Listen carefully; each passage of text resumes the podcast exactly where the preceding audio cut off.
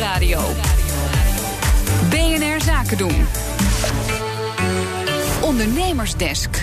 Bedrijven zoeken naar zingeving, maar als die purpose als marketingtool wordt ingezet in plaats van oprecht, dan ligt reputatieschade weer op de loer. Dat schrijft Paul Stamsnijder in zijn nieuwe boek Purpose: Het verhaal van de moraal. Connor Klerks die spreekt hem in de ondernemersdesk kansen en risico's. Purpose is een woord wat veel gebezigd wordt eh, als het gaat om het aantrekken van nieuw personeel. U schrijft dat het bedrijfsleven op zoek is naar zingeving. Hoe bedoelt u dat? Nou, het bedrijfsleven is op zoek naar een, nieuwe moraal. En het is, nu bijna ruim, het is nu ruim tien jaar na de kredietcrisis. En bedrijven die zijn eigenlijk op zoek naar wat is nou eigenlijk ook alweer onze bedoeling.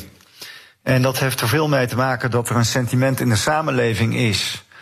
Uh, waarbij eigenlijk de consument, de burger zegt van waar staan bedrijven nou eigenlijk voor? En uh, bedrijven worden heel kritisch beoordeeld op social media en in Twitterstormen, iedereen kent het. Ehm, maar dat betekent eigenlijk dat bedrijven meer en meer worden uitgedaagd om te kijken niet alleen van hoe verdienen we ons geld, maar ook welke betekenis hebben we voor de samenleving. Ja. En die betekenis voor de samenleving, dat zit vaak vervat in waar hun purpose over gaat, namelijk wat is hun maatschappelijke opgave, en dat is eigenlijk een nieuwe manier van denken over het kapitalisme. En dan schrijft u het verhaal van de moraal, dat kun je vatten in drie stappen. Wat zijn die stappen? Nou, de eerste stap is eigenlijk dat je purpose inzet als verantwoording. Namelijk, je krijgt vragen over je moraal en over je positie in de samenleving. Ofwel je zegt, kom, uh, we gaan onze purpose inzetten in onze marketing. Maar eigenlijk is een goede purpose natuurlijk het vertrekpunt van al je denken en doen. En de basis van je strategie. En daarin zie je ook een heel nadrukkelijk verschil. Uh, dat sommige organisaties uh, purpose eigenlijk gebruiken om uh, goede sier te maken met een hoger doel. maar de echte winnaars die dragen het uit in woord en gedrag. Kunt u een paar concrete voorbeelden geven? Jazeker. In Nederland is een meer dan uitstekend voorbeeld DSM. in Nederland is ook een uitstekend voorbeeld KLM. Internationaal is Patagonia een heel mooi voorbeeld. En het zijn eigenlijk allemaal voorbeelden van organisaties die stellen van wij dragen onze beloften in woord en daad uit. En um, daarin zit onze grote meerwaarde. En de foute voorbeelden, uh, dat zijn eigenlijk veel meer de spelers die um, een purpose gebruiken om uh, zich te afficheren als moreel zuiver. Uh, neem Facebook, die het heeft over je kunt via ons vrienden maken, maar hun gedrag staat er eigenlijk haaks op, omdat ze eigenlijk alle privacywetten met voeten treden. HM is een, helaas ook een wat slechter voorbeeld.